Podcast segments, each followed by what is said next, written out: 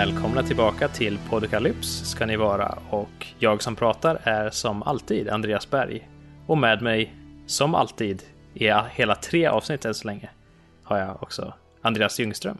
Ja, jag är tillbaka återigen. Förhoppningsvis fler gånger än eh, de där tre då. Eller det blir ju ja, fyra precis. Ja, fast egentligen tre. Ja, just det. Ja, det, ja, det är tredje avsnittet ja. Jag, jag har hela Ja. tiden tänkt att det var fjärde. Nej, det där första avsnittet som vi inte pratar om, det, det, det räknas inte. Just det.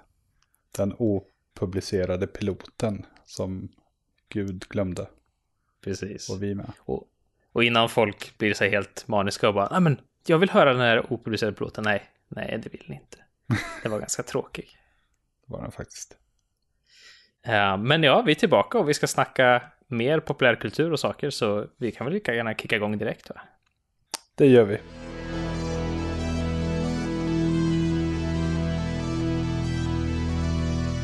En sak som jag vill snacka om det här avsnittet är ju vad jag kallar VR, Hitchcock och låga trösklar. Eh, Eller kanske snarare höga trösklar. Och ja, alltså vi båda två har ju varit inne och snackat om det här ämnet tidigare eh, Eh, i olika sammanhang. Eh, men jag vet inte hur mycket vi verkligen har gått in och försökt liksom gräva i det. Och det det handlar om är väl helt enkelt viss typ av underhållning är lite svårare att ta till sig av en eller annan anledning i, i den här titeln som jag har valt så är ju VR och Hitchcock två stycken av mina liksom, personliga exempel. Där jag tycker att, att VR-spelande, jag har en sån här HTC Vive här hemma. Och tycker det är helt fenomenalt kul att spela eh, VR-spel.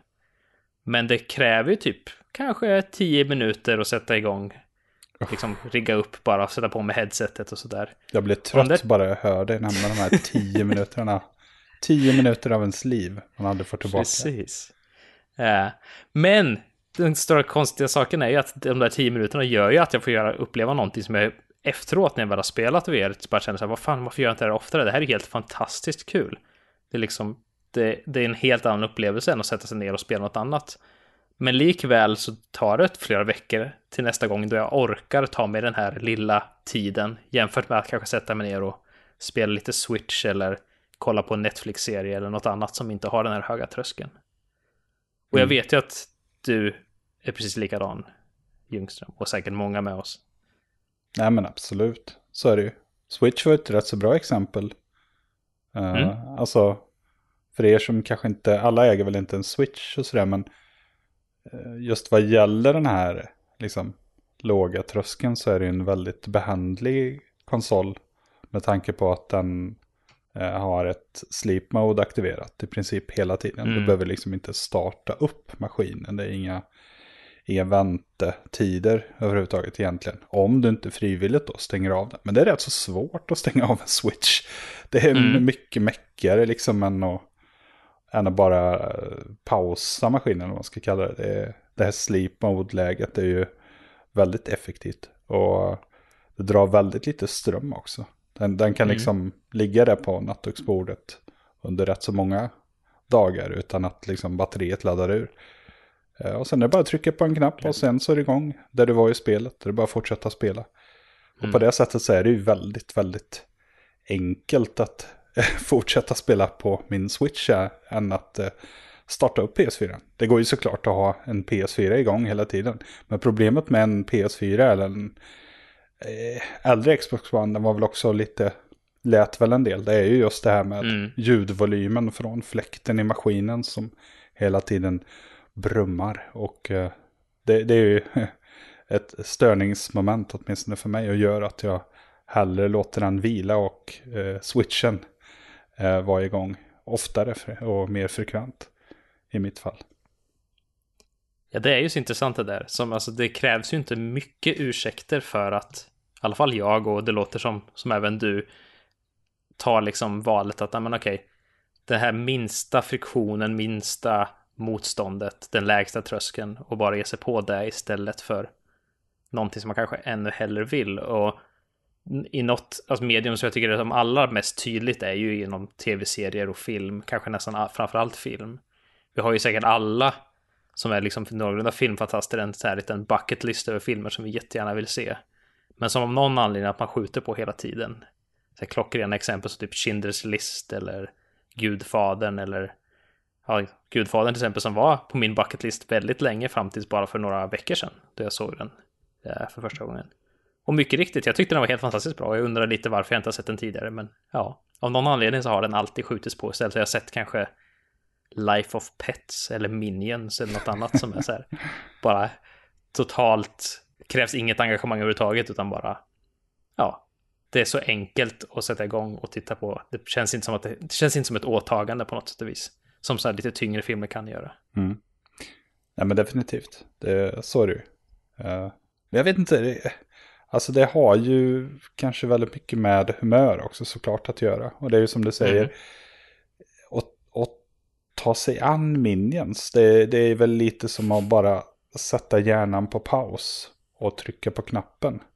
Och mm. bara svepas med av massa skräp.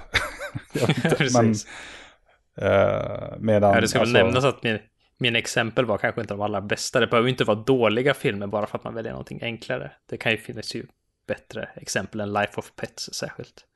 Mm. Som ju var en riktig skräpfilm för övrigt. Men den var dålig, jag såg den med barnen för, för inte så länge sedan. Uh, ja. De gillar den i och för sig. Men, det, men det, mm. ja, det kanske inte har riktigt med sammanhanget att göra egentligen, tror jag inte. Nej, just det, nej. Men en, en stor fråga är väl kanske egentligen alltså det här mönstret som man hamnar i, att man ja, kanske då söker sig till tv-serier eller film eller annan underhållning som är lite enklare att ta till sig. Är det ett mönster man vill bryta? Eller är, liksom, är det i själva verket så att det här är bara ett tecken på att det faktiskt är skräpfilmer och det är snabba fixar som, som man är ute efter? Mm. Ja, men det är ju en komplex fråga. Men jag tror ändå att man strävar nog i livet efter meningsfullhet på något vis. Mm. Och jag vet inte om det här lättsmälta eller det här eh, som kanske är eh, ansett av fina människor och vara fulkultur. Mm. Egentligen, alltså får man ju må sämre. Det, jag tror inte det. alltså, jag tror jag mår lika bra fast på ett annat sätt av att titta på sånt som kan anses som skräp. Å andra sidan så känns det väldigt bra. Alltså belöningen för att ha sett någonting som anses som tungt eh, får mig också må bra. Men, men jag kan mm. å andra sidan må dåligt om det är någonting som...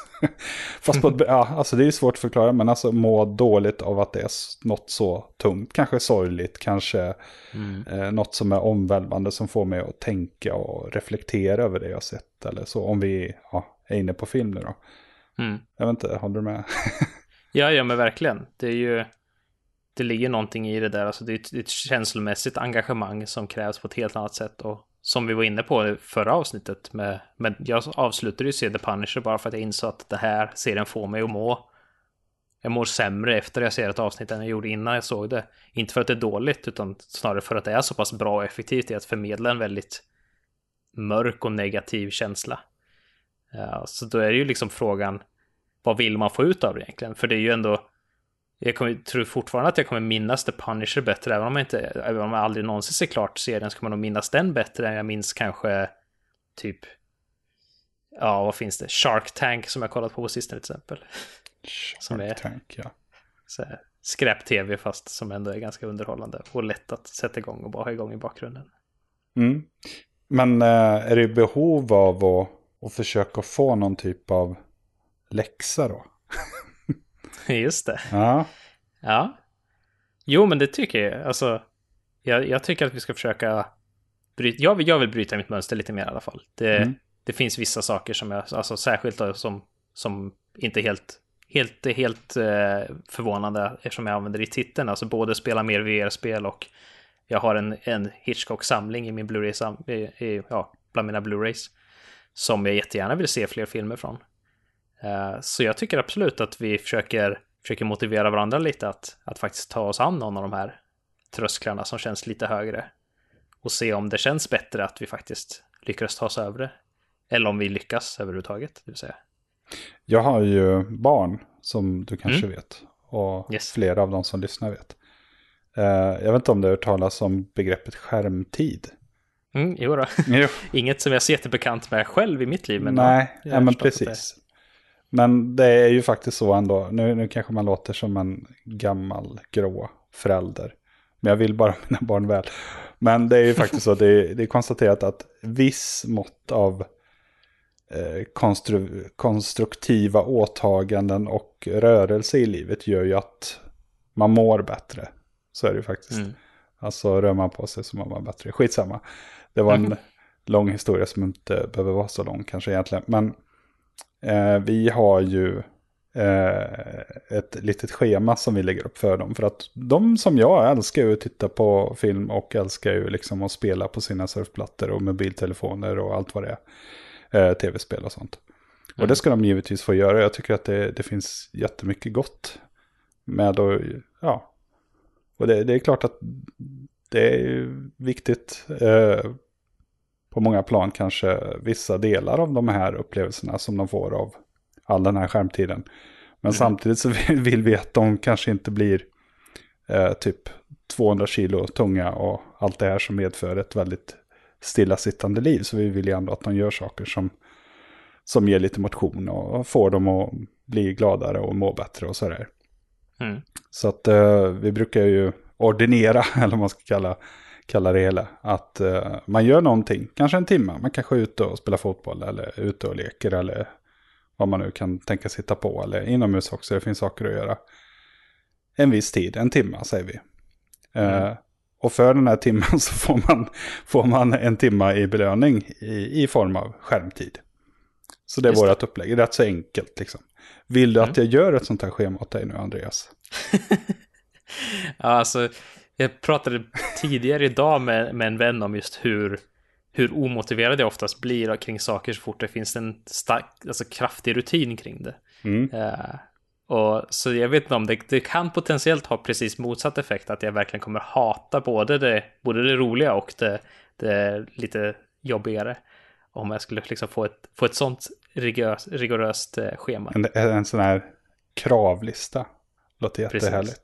Nej men det är Ja. klart. Det är klart vi inte ska Nej. hitta på något sånt. Låter ju hemskt. Och ändå så utsätter du dina kära barn för det. Ja, men det är ju välmening. Såklart. Och jag, jag, de, de tycker det är en bra grej alltså. De har Mm. ju väldigt svårt att hitta på saker om inte man eh, ordinerar saker som förälder. Så är det ju faktiskt. Mm. det låter ju i och för sig ganska så, så här härligt att leva livet efter liksom någon, så länge man har någon som har ens bästa intresse i, i sinnet så är det ju ganska skönt om den kan bestämma vad man faktiskt ska göra för någonting och faktiskt välja saker som också är nyttiga för en. Jo, men sen- är det så att de älskar ju att och röra på sig och leka Mm. på andra sätt än att sitta framför liksom surfplattan också. Det är ju inte det att det är ett straff på Just något det. sätt. De gillar det, men de har ju... Det är ju så, jag vet ju själv, man fastnar lätt framför skärmen. Eh, det är Mm. väldigt enkelt att du sitter där tre timmar och så har du varit inne och surfat typ, ja bara skräp liksom. Det, är- det är Mm. helt meningslöst tjafs. Du inser Ja. att du kunde kanske gjort någonting som hade fått dig att må ännu bättre än så. Mm. Eh, Så upplever jag det i alla fall. Men, men eh, alltså de trivs Verkligen. med det här så det är, det är inte... Det är inte att jag är någon jävla slavdrivarfarsa faktiskt. Nej, jag Eller tror ja, inte någon det trodde får, det heller. det får jag väl fråga dem om. Just det. Vi får bjuda in dem till podcasten. Ja, men så. eh, absolut. Det blir en intervju nästa vecka. Ja. Mm. Ja, Nej, men, alltså, ha- du ska ju ta dig an någonting som du verkligen har velat ta dig an under en längre tid och tror skulle göra dig gott såklart. Har du, har du funderat Mm. på någonting? Mm, ja men absolut, men lite på, på det temat att faktiskt röra sig och sånt. Det finns ju en hel del väldigt fysiska VR-spel som faktiskt ja, är mer eller mindre träningsformer i sig att, att utföra. Det kräver ju det, HTC eh, Vive i alla fall och även eh, Oculus Rift har ju möjligheten att spela så kallat room scale som man rör sig runt i en yta liksom som man har dedikerat. Eh, och då finns det vissa spel som är väldigt fysiska. Nu har jag inget konkret exempel på rak arm, men jag vet att jag har några stycken i min bibliotek av VR-spel som jag införskaffat. Som är mycket mer fysiskt krävande. Så det är väl just det jag skulle vilja ge mig på, att, att ja, åtminstone vid ett tillfälle nu, tills nästa gång vi spelar, dedikera en kväll till att faktiskt köra ett ordentligt pass eh, VR-träning eller motsvarande. Mhm. Och inte ja, träning då egentligen, men, men det råkar väl få den, den bieffekten också. Träning som låter rätt så kul på pappret i alla fall. Absolut. Och det, jag har spelat en hel del av uh, Space Pirate Trainer som är typ ett, ett shoot em up eller vad man ska säga. Man, man har lite vapen att skjuta med och sen så kommer det massa flygande robotar eh, som skjuter laser på en. Och det som det fyller, eh, det som, det som gör det så otroligt bra är framförallt att när de här laserstrålarna kommer nära dig så börjar allting gå i slow motion. Så du har möjlighet att göra så här väldigt fysiskt graciösa manövrar, eller mer eller mindre graciösa manövrar för att försöka undvika de här. Vilket innebär mycket hukande, nästan luta sig bakåt, ibland nästan ligga ner på golvet för att undvika de här eh, och sen upp igen. Eh, så det är ett exempel på ett spel som jag har spelat i VR en del och som är väldigt fysiskt krävande och otroligt kul. Eh, så någonting i, inom den, den vad ska man säga, genren av VR-spel tänkte jag ge mig på. Mm. Ja, men det låter ju som en bra grej. Har du något själv som du är sugen på att... Ja, eh, på ett helt annat tema faktiskt. Mm. Eh, jag läser ju en del böcker. Eh, jag lyssnar också på en hel del ljudböcker nu för tiden. Tecknade ett abonnemang på svenska tjänsten Storytel. Mm. Men jag har insett att alltså, den är bra. Det finns, finns en hel del. Alltså, det, är ju, det är väl Sveriges största tror jag. Mm. Men den tröskeln som jag länge velat verkligen kliva upp på. Och eh, för att ta mig vidare som någon typ av bokläsare, boklyssnare nu för tiden då. Eh, det är väl att jag inte läser någonting i princip på engelska. Jag tycker det, det. det, kräver ju, jag har ju försökt, det ska jag erkänna, med ett rätt så dåligt resultat. Jag har liksom gett upp på grund av att det mm. kräver en helt annan koncentration när jag läser och ett annat mm. fokus. Man måste verkligen hänge sig helt och hållet. Man, man, alltså, man kanske inte kan lyssna på ett halvt öre på svenska heller eller läsa liksom och inte riktigt eh, gå in för det liksom. Det, så är det ju. Men, men samtidigt så, jag vet inte, det, det kommer ju till en mycket lättare såklart. Eh, men jag har faktiskt tjuvstartat lite. Uh, mm. Jag har börjat lyssna på uh, Annihilation. Aha. Uh, en, den första delen i en trilogi mm. av författaren, vad heter han? Jeff Vandermeer. Det var nog säkert ett fel uttalat namn. Men... Baserat på uttalet så, eller inte uttalet, men baserat på namnet låter det i alla fall som en holländare, men det kanske är helt fel. Kan vara så. jag har ingen aning faktiskt. Uh, men det här ska ju bli film också. Mm. Förmodligen kanske det blir en Netflix-produktion. Jag har förstått det som att filmen är väl i princip klar. Men att själva publicisten eller utgivaren inte riktigt är spikad. Men hur som ja. helst, jag, var, jag, såg en trailer för den här filmen och blev väldigt sugen på att läsa boken. Mm. Och filmen ska ju vara regisserad av samma regissör som gjorde Ex Machina. Just det. Vilket jag tyckte var en otroligt bra film.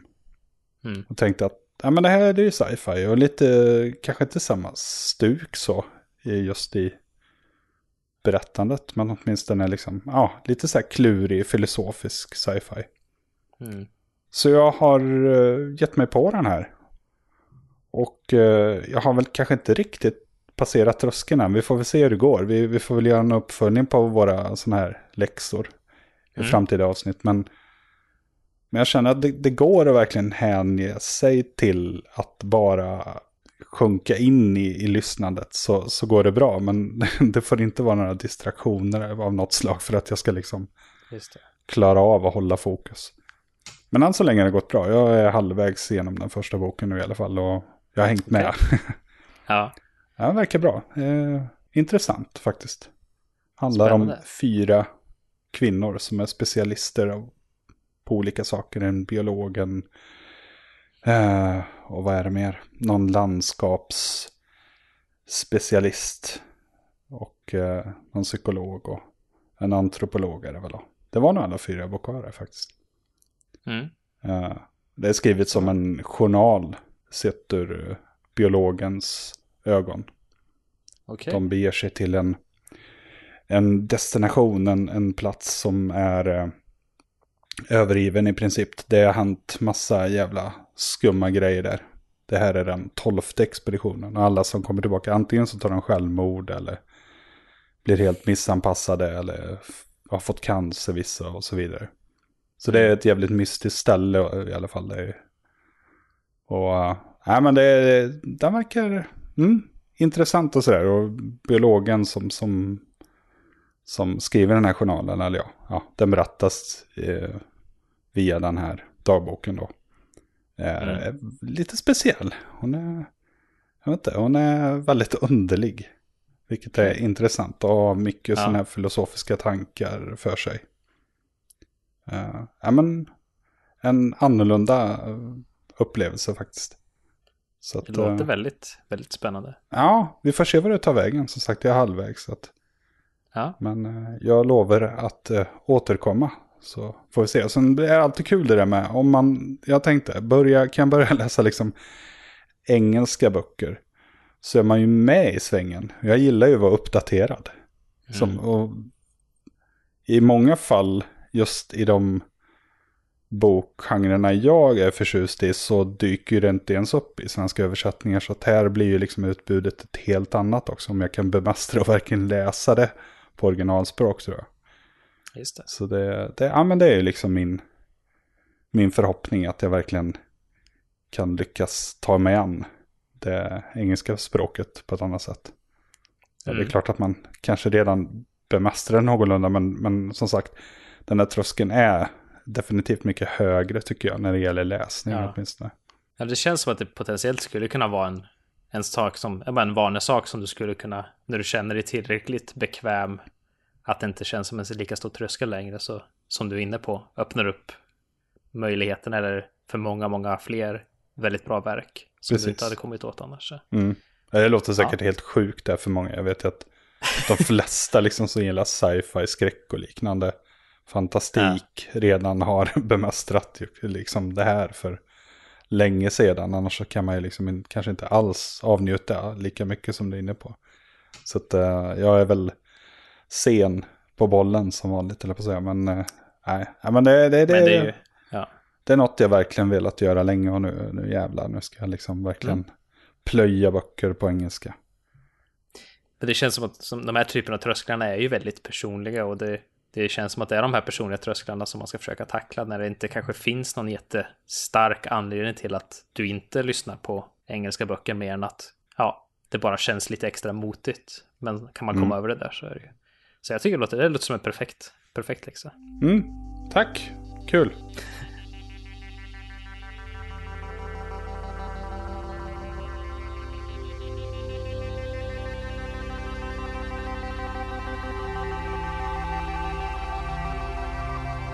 Ska vi hoppa vidare i programmet då kanske? Tycker jag. Ja, eftersom du har varit, uh, vad ska man kalla det, upphovsmakare till i princip varenda ämne. Eller ja, i princip varenda, varenda ämne. I det här avsnittet så är det väl lika bra att du tar vid då. För du, du vet väldigt mycket om det som uh, ska sägas som nästa ämne här också. Eh, jag vet inte om jag vet så jättemycket, men, men ja, jag har haft en, en liten period på sistone där det poppar upp väldigt mycket idéer på saker som jag vill prata om. Eh, och en av de sakerna är, ganska nyligen så har jag spelat Assassin's Creed Origins, som är då den senaste delen i Assassin's Creed-serien, där man i alla spel spelar som en lönnmördare som springer runt i olika, eh, ja, olika historiska perioder och ska döda folk. Eh, I Assassin's Creed Origins så rör man sig runt i Egypten och det är en helt fenomenalt snyggt gjord, eh, vad ska man säga, ja, variant av Egypten eh, och bara att röra sig runt i den här världen är riktigt underhållande och härligt i sig. Vilket fick mig att tänka när jag satt och spelade spelet att men, skulle inte det vara ganska så härligt att bara liksom upptäcka utan biten att det springer runt vakter som vill slå ihjäl mig för att jag dödat deras kejsare eller något annat. Och det verkar som att Ubisoft som ligger bakom Assassin's Creed-serien har tänkt lite samma sak och kommer släppa ett tillägg till Assassin's Creed som är typ någon form av educational mode. Vilket innebär att det kommer mer vara fokus på att lära sig om ja, historia och Egypten och sådana saker genom att man rör sig runt i den här världen utan några risker att man blir uppäten av en krokodil eller attackerad av en flodhäst. Eh, utan istället att man bara rör sig runt och ja, upptäcker den här fina världen och får lära sig lite om Egypten. Och det här fick mig att tänka på det, ja, pacifism i spel helt enkelt, eller möjligheten att spela ett spel utan utmaningen eller konflikten. Eh, och jag tycker att det här greppet som de gör i Assassin's Creed Origins är helt fenomenalt intressant. Jag vet inte, låter det intressant för dig, eh, Andreas, att springa runt i ett actionspel utan att utföra någon, ja, någon action? Uh, nej, då tar vi nästa ämne. Nej då. Uh, jo, nej men definitivt. Alltså det här med att man alltid ska behöva ta till någon typ av handgemäng eller ja, alltså slåss i, i spel känns ju kanske inte riktigt befogat alla gånger tycker jag. Eller det gör det kanske än mer intressant när mm. just det här inslaget återfinns. Det finns ju en hel del exempel redan tidigare kanske, men inte i den här typen av stor, stor liksom så här open world tredjepersons spel. Stort påkostat. Snarare kanske i enklare indiespel då. Mm. Uh, bara för det kommer jag inte på ett enda exempel på rak arm. Men... Alltså jag har ju ett ganska så klockrent exempel som uh, Ja, alltså det, jag har inte spelat så jättemycket av spelet så jag kan inte eh, tala för mycket kring det. Men Undertale, ja, ett indiespel som, mm. som väl bygger ganska mycket på att du har möjligheten i alla konflikter att antingen ta den pacifistiska approachen att inte attackera utan försöka lösa konflikten på något annat sätt. Eller att attackera fienden och, och besegra monstret eller vad det är för något som man möter och besegra det. Så absolut, som du är inne på, det finns ju exempel på där det görs där liksom pacifism är någon form av val man kan göra. Men oftast så är det ju också i sådana lägen att man spelar spelet på ett annorlunda, som man säger, det är inte så att man kan, det är inte så att det är konfliktlöst för att man kan göra pacifism, utan det är snarare att man löser sig, eller tar sig igenom genom att kanske bara parera eller bara undvika eller så istället för att... Uh, skillnaden här då i Assassin's Creed-läget är väl just att det är någon form av, av alltså utforskarläge. Och det finns ju såklart i andra spel också. Uh, men kanske inte i så stor utsträckning som jag gärna skulle vilja se. Nej, nej men nej, jag, jag gillar ju liksom, jag gillar som sagt upplägget. Uh, och, och, det är väl också det att det syns väl egentligen aldrig AAA-spel av den här kalibern. Nej. Och det vore ju intressant att kanske få se någon gång ett spel som helt utgår från det här. Uh, jag vet inte, någon kan säkert slå en på fingrarna här. Det, det kan finnas, men, men inte mm. så, så vitt jag kan liksom komma på just nu i alla fall. En annan aspekt av det här som jag tycker är, är väldigt intressant är ju att det gör ju också möjligheten att, upp, alltså att, att uppleva spelet och faktiskt få kunna ta del av spel utan att och även om man inte för, även om man inte tycker om den här utmaningen som ett spel oftast innebär. Jag tänker direkt på ett spel som jag så gärna vill rekommendera för alla människor i hela världen att spela för jag tycker det är så otroligt vackert. Ori and the Blind Forest. Som har liksom en helt fenomenalt vacker story om ett sätt att se på världen och konflikter och bara liksom ont och gott och massa så här väldigt djupa och breda teman som ja, jag satt och grät som ett litet barn genom stor del av spelet bara för att det är så otroligt vackert. Musiken, grafiken, storyn. Men det är ett ganska så krävande och svårt plattforms actionspel. Så många som jag vill rekommendera det här för vet jag skulle bli jättefrustrerade och tycka att det är hur jobbigt som helst att försöka ta sig igenom de här, navigera sig igenom de här plattformsmomenten. Vilket gör att jag tyvärr inte kan riktigt rekommendera spelet till alla jag skulle vilja göra, för jag vet att de frustrationen skulle troligtvis eh, ta övertaget och vara det som är den primära känslan de får från det istället för det här vackra och det fina. Eh, så där skulle jag liksom känna att, men tänk om Warren the Blind Forest också hade ett pacifismläge som på något sätt antingen tar bort utmaningen helt eller i alla fall reducerar den så mycket att liksom spelet nästan spelar sig själv så att man ändå kan uppleva storyn och temana och musiken och grafiken utan att behöva vara riktigt flink i fingrarna som man säger om man är 75 år gammal. Har du spelat Ori in the Blind Forest, Andreas? Nej, det har jag faktiskt inte. Uh, jag har en PC som är för klen för typ något som är mer... ja, jag vet inte vad skulle jag säga. Jag får gå tillbaka till 93 kanske. Nej, men det är inga krävande spel rullar fint på min, på min laptop just nu. Det är det enda jag har att tillgå. Och jag har dessutom ingen Xbox One. Nej, Det det. är väl exklusivt tror jag. På konsol i alla fall. Till eh, Xbox One. Så att, eh, Precis, det är väl ett Microsoft-finansierat spel. Ja. så- nej, så att, men, men det ser ju som du säger makalöst snyggt ut. Det, det gör det definitivt. Jag älskar ju den här Mm. typen av handtecknade spel. Eller vad nu Mm. man kallar det där begreppet för. Eh, så att, uh, nej men det skulle jag verkligen vilja testa. Och jag är väldigt förtjust just med Metro- Metroidvania-upplägget också och sådär. Så att eh, Mm. det, det ser ut liksom som en väldigt fin kombination av typ eh, Super Meat Boy som, som möter valfritt Metroidvania eller något. Jag vet inte, jag kanske är helt ute och cyklar men.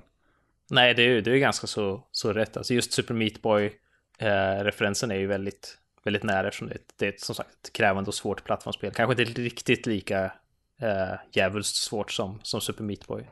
Men ja, jag tror du Andreas är ju absolut en, en perfekt kandidat för det eftersom jag tror att du inte riktigt skyr dig för lite svåra plattformsspel på samma sätt som kanske andra skulle göra. Eh, så det, jag tror att du skulle uppskatta det enormt mycket. Men jag känner samtidigt som sagt att det är väldigt synd att... Ja, och det... Man ser ju liksom lite trender även i andra spel. Eh, senaste Super Mario Odyssey, eh, senaste Super Mario-spelet från Nintendo, har ju också ett spelläge som är... Jag vet inte exakt hur mycket, men det, det finns i alla fall...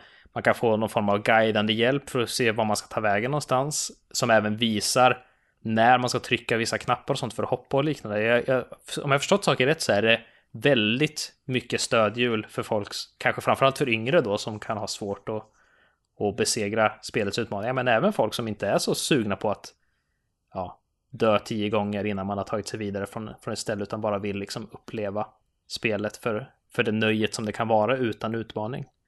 Eh, så jag hoppas att det är en trend som är på väg nu, att liksom vi kommer få se mer och mer svårighetsgrader eller spel, specifika spellägen som är mer eller mindre, man kan njuta av de delar av spelen som inte är hämtat från arkadscenen och att tvinga ur dig en massa, massa mynt så att du ska mata in i den där och du ska dö många gånger för att mata in den där i.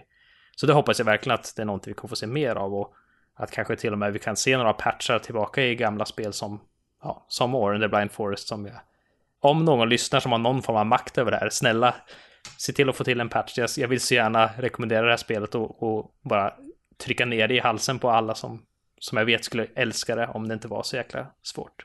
Mm. Ja, vi får se om, om din önskan kommer det innebära några förändringar i framtiden. Eller nya påfund vad är det här. Mm.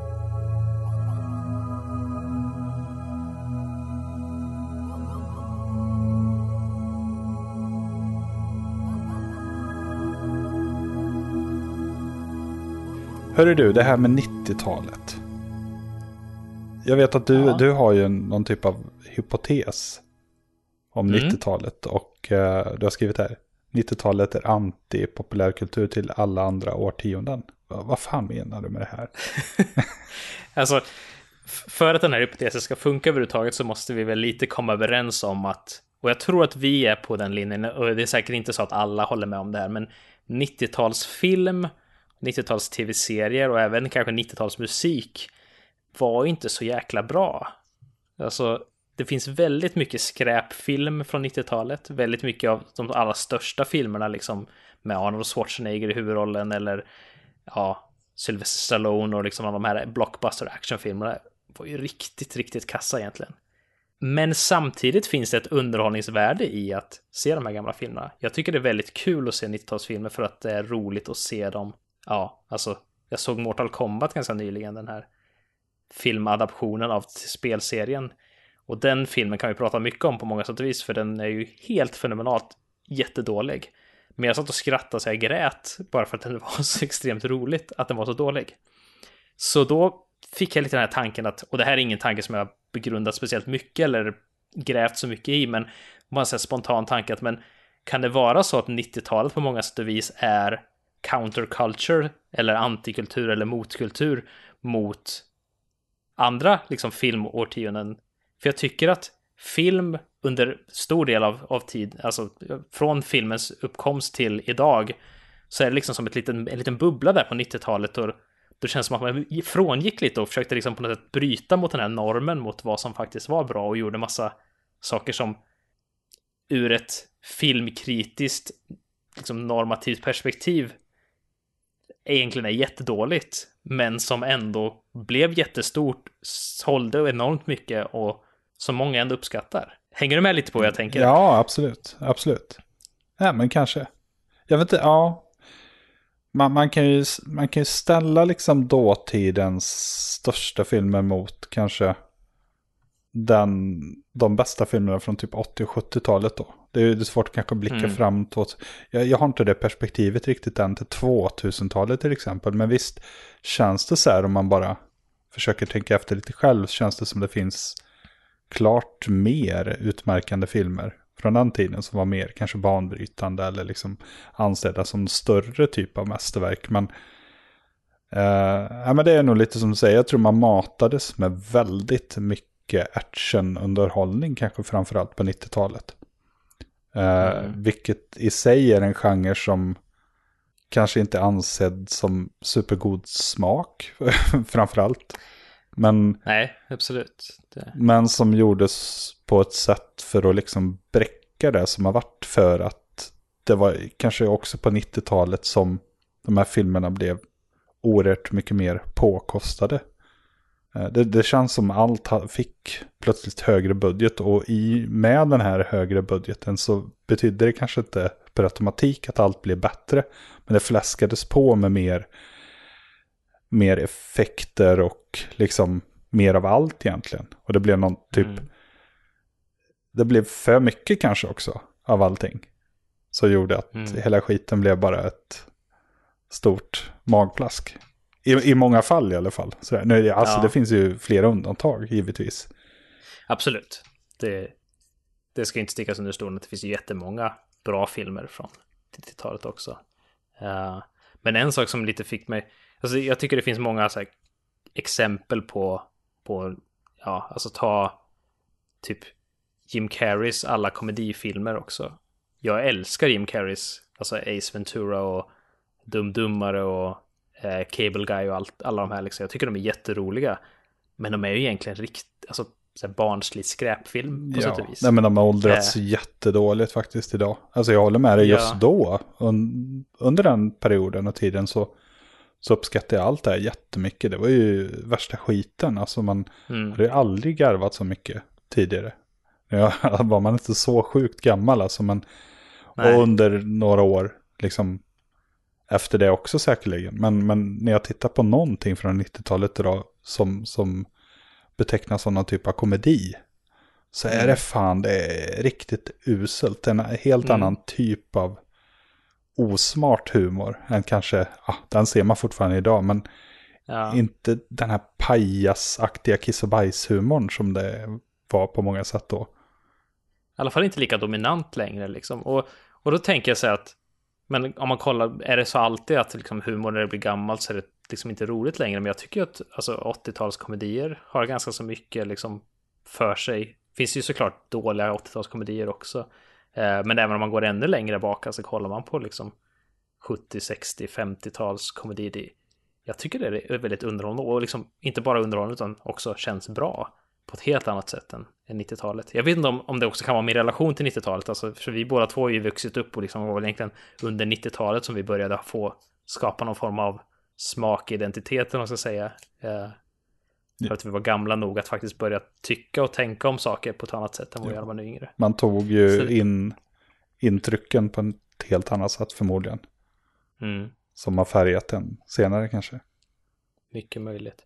Men och sen så en sak som, som verkligen liksom lite slår hem den här poängen för mig var att eh, kort efter att jag kollat på Mortal Kombat så blev jag sugen på att kolla om The Matrix som är en film som jag sett ja, kanske 15, möjligtvis 20 gånger vid det här laget. Det är nog min absoluta favoritfilm och jag tycker fortfarande att den är helt fenomenalt bra. Och den är ju, till skillnad från kanske liksom Arnold Schwarzenegger, Dolph Lundgren, Sylvester Stallone, actionrullarna så har ju den fler kvalitativa bitar i sig liksom, alltså med cinematografin och, och manus och sånt liksom som kanske uppfyller de här kraven lite mer. Men det är fortfarande ganska mycket ostighet och rätt så töntiga saker som hela grejen med liksom läderestetiken och solglasögonen och alltså om man bryter ner det och försöker liksom granska den så är det en ganska töntig film. Ja, ja. Men som jag fortfarande tycker är helt fenomenalt liksom bra och underhållande. Uh, men det fick mig verkligen att liksom titta på 90-talet och inse att fan, jag tror nog att 90-talet mer än något annat årtionde, för mig i alla fall, känns som att det bryter mot det som är liksom har varit en ganska så ganska så konstant norm i vad som anses vara bra film eller dålig film. Uh, vilket, ja, väl då är min, min hypotes här. Kan det vara så helt enkelt att, att 90-talet är liksom en liten tonårstiden för film och tv-serier där man typ försöker motverka och vara liksom lite annorlunda och försöka på ännu större plan vara något bryta mot det som är varit inarbetade mönster. Men sen så på någon gång på 2000-talet så växte, växte filmmediet upp lite igen och insåg att oj, ja okej. Det var ganska löjligt att bete sig sådär. Vi. Mm. Dessutom ja. så var ju det, 90-talet var väl liksom en, alltså just sett ur jämställdhetsperspektiv och så också. Jag tycker det mm. nästan nådde sin spets. Så mansidealen då, det var ju liksom mm. bastanta muskelberg typ som Schwarzenegger och Dolph Lundgren och Sylvester Stallone som du också har nämnt här. Ja. Eh, och det var att ja, men de manliga hjältarna, alltså det var, var väl 99,9% manliga hjältar i princip mm. allt på i filmmediet. Ungefär. Eh, medan kvinnorna var, ja, prinsessan som satt i slottet och väntade på att hjälten eller prinsen skulle komma ungefär. Nej men alltså. Verkligen. Eh, lite sådär och alltså. Jag vet inte, jag, det, det känns på det sättet väldigt, om man tittar på det ur det perspektivet idag, filmerna som, som dök upp då. Åtminstone, mm. nu, nu pratar vi väldigt mycket kanske blockbuster, Hollywood, eh, biofilmer Precis. såklart. Eh, yes. det, det, återigen, det, det, är klart att det finns undantag i de här fallen också, men just vad gäller den filmen som folk gick, gick och såg på bio i, ett stort antal så, så, mm. så, är det klart att de var i överkant. Uh, och den, den, bilden tycker jag är lite läskig också, just från mm. den här perioden. För verkligen. det var verkligen cementerat då, på ett helt annat sätt ja. än innan tycker jag. Jag vet inte, det kanske också man har någon skev bild av hur det var på 80 ja. och 70-talet. Det är klart att 80-talet var också rätt så dominerat. Eh, det, var, det var uppbyggt filmerna i, i alla fall Hollywood-kategorin på samma sätt även då såklart. Men mm. jag vet inte, ännu mer kände jag på 90 kanske.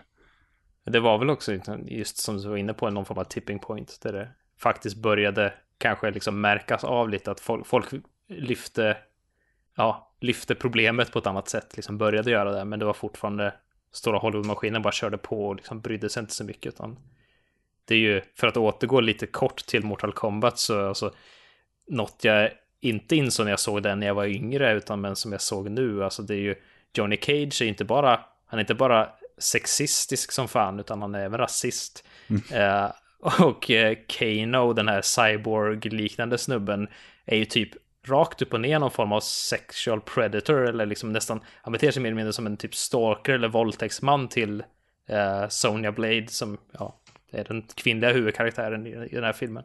Eh, på ett sätt som bara känns liksom, det, det, är så obekvämt och obehagligt så att det blir roligt på något sätt nästan. Det, ja, det är väldigt konstigt och det känns liksom, okej okay, nu är inte Mortal Kombat en av de absolut största produktionerna från 90-talet, men det är ändå liksom en ganska påkostad actionrulle från som någonstans nog ändå hade syftat underhålla mer än att det gjorde en, ja, typ. Men var inte just de där arketyper som, som fanns med i princip varenda stor produktion? Eller alltså jo, väldigt vanligt förekommande. Mm, och det, ja, det är också en sån där som, som gör att 90-talet känns lite så här sunk. Jag vet inte. verkligen. Det... Men vi kanske har fel. Ja, vi kanske har fel och det jag tänker lite, det var lite min, mitt syfte här, att det här är en hypotes. Det är liksom, ja, nu har vi grävt lite i det mer sen, men liksom utan någon egentligen jättestark data. Och det finns säkert de som lyssnar som bara så här, antingen nickar med, eh, medhållande och bara så här, ja men det där, det låter som en, som en bra grej, det har jag bevis på. Eh, men jag tror också det finns många som bara sitter där och bara, nej, fan, jag är helt fel, det är bara ert perspektiv. Mm. Ni får jättegärna, alltså, istället för bara sitta och skrika mot skärmen eller in i er, era jag vet inte varför man skulle skrika in i sin hörlurar, men ja, om, om man sitter där upprörd över det vi säger i alla fall, hör jättegärna av er på något sätt till, eh, alltså antingen på, på Facebook eller eh, som kommentar till avsnittstexterna på, på tentakelmonster.se. Ja, det här känns lite som så här att vi är för lata för att ha gjort research. Gör researchen gärna åt oss. Nej, men, Så kan vi återkomma sen när, vi har fått lite data. På när vi har facit så kan vi Mm. säga vad vi egentligen tycker genom era röster. Man kan ju se det så, eller ska man se det som ett sätt att försöka få lite, ja, en liten intressant diskussion kring det här. Men ja, Ja. vi, vi, kan ta, vi kan ta den negativa delen om du vill. Det, det, Jag, helt jag gillar att vara negativ.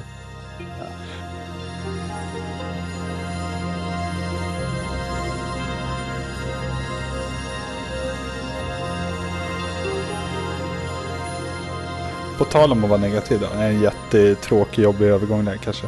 Men, men det, det här, här kommer ju någonting som, jag vet inte, det, ja, du, du har skrivit något i, i vårt körschema som jag tycker kändes lite så här tungt. mm.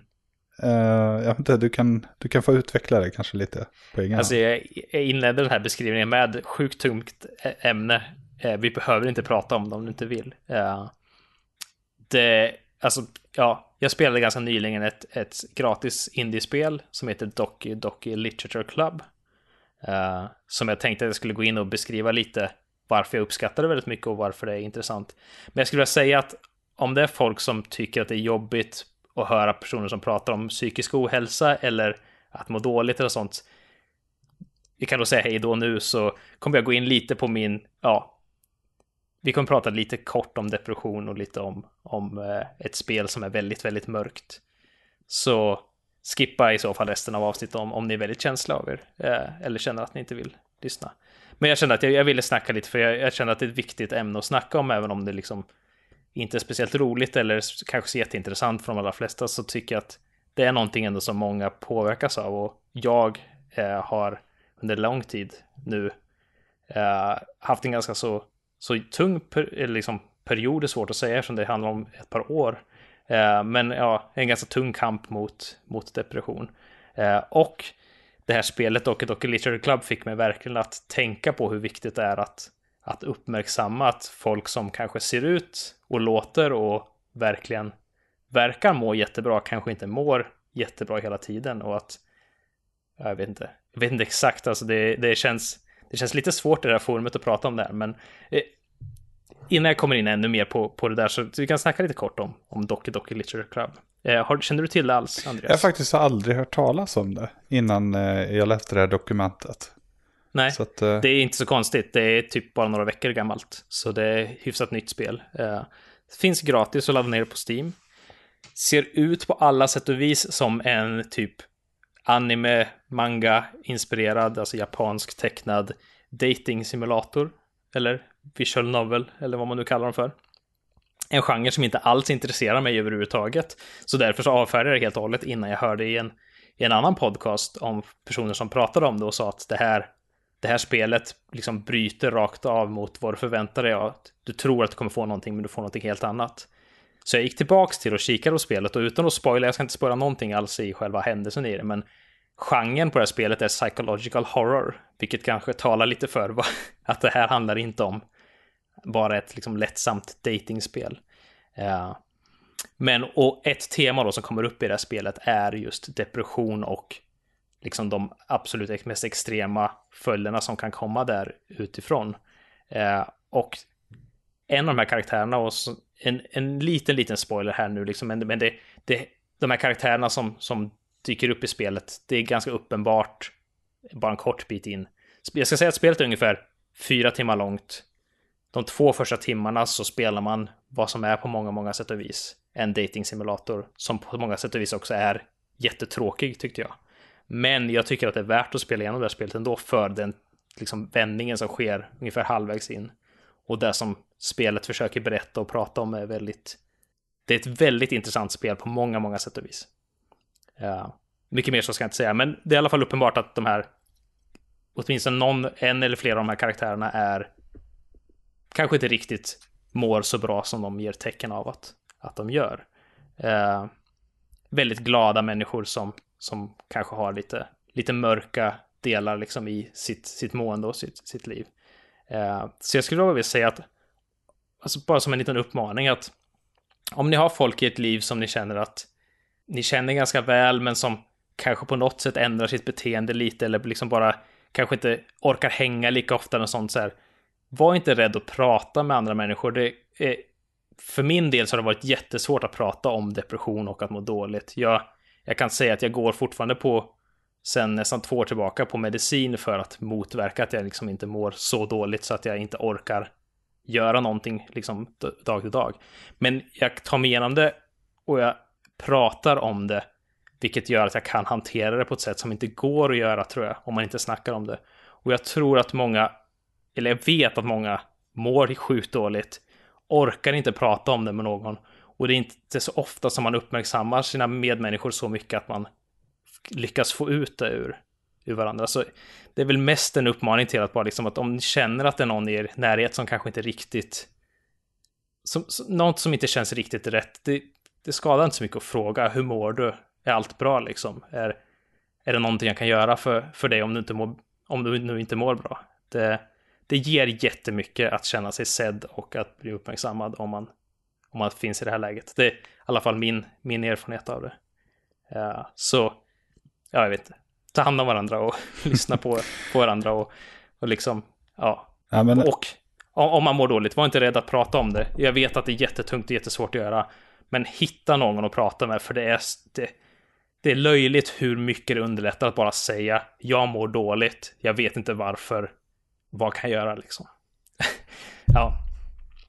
Det blev ännu tyngre än vad jag trodde det skulle vara, men det är fortfarande, jag tycker det känns viktigt, så jag är jätteglad att jag tog lite energi och kraft att faktiskt prata lite om det. Ja, men det är fan, det är superbra. Det, ja, men det, är, det, är, det är ett obehagligt ämne från din sida förmodligen. Och, och snacka om det förstår jag. Och, Så är det. Men eh, en eloge för eh, hela det här segmentet tror jag. Uh, ja, men jag, ja. jag har ingen personlig erfarenhet mer än att jag har två nära bekanta som, som går på Eh, eller går på. Det låter som att man knarkar. ja, men men, ja, ja. men eh, tar antidepressiva medel av något mm. slag. För att må bättre såklart. Mm. Eh, men som, som en andra part, det är, också, det är också väldigt svårt att veta hur man ska bete sig. Men, men mm. det du säger är nog är liksom eh, säkert ett, ett steg i rätt riktning om man bara också vågar ta liksom initiativet till och, och faktiskt fråga lite emellanåt hur personen mår mm. och om den här personen vill prata så, så behöver man nog låta personen göra det kanske för att må bättre Just eventuellt. Mm. Eh, Medan så kanske inte jag kan tillägga till ämnet men... Eh... Nej men jag tror det är essensen av det. det. Verkligen. Man kan inte göra så. Alltså, man, det finns inte jättemycket man kan göra men att göra lite kan vara, alltså det kan vara livsräddande, bokstavligt talat. Nej men man ska nog inte som du säger och är inne på att man, man ska nog inte gå och gömma sig och liksom. Jag tror inte att någon som är liksom åtminstone någorlunda funtad i huvudet ser ner på någon för att man har någon typ av eh, alltså problem kan man ju inte heller kalla det, men ha, eh, lever i ett tillstånd där man inte riktigt må bra helt enkelt. Mm. Eh, så att liksom, jag tror det är bara att ta lite mod till sig och ibland faktiskt försöka känna av vibbarna och kanske mm. fråga om man kan hjälpa till med något. Liksom. Det, är, det är klart det, det, är viktigt. Men eh, ja, innan vi ja. sjunker alldeles för långt, jag ska inte förminska dig på något vis. Så, så, nej, men, nej, men ja, så ja jag hoppas du hade det trevligt med mig här idag ändå Andreas. I det har jag haft. Det här, ja men vad skönt. Och jag hoppas att ni andra också hade det trevligt idag. Eh, djupt och tungt, men en del rätt skoj saker har vi tagit ja, upp. Hoppas absolut, det ja, tycker jag. Ja. Och jag hoppas att folk, folk uppskattar lite blandning också.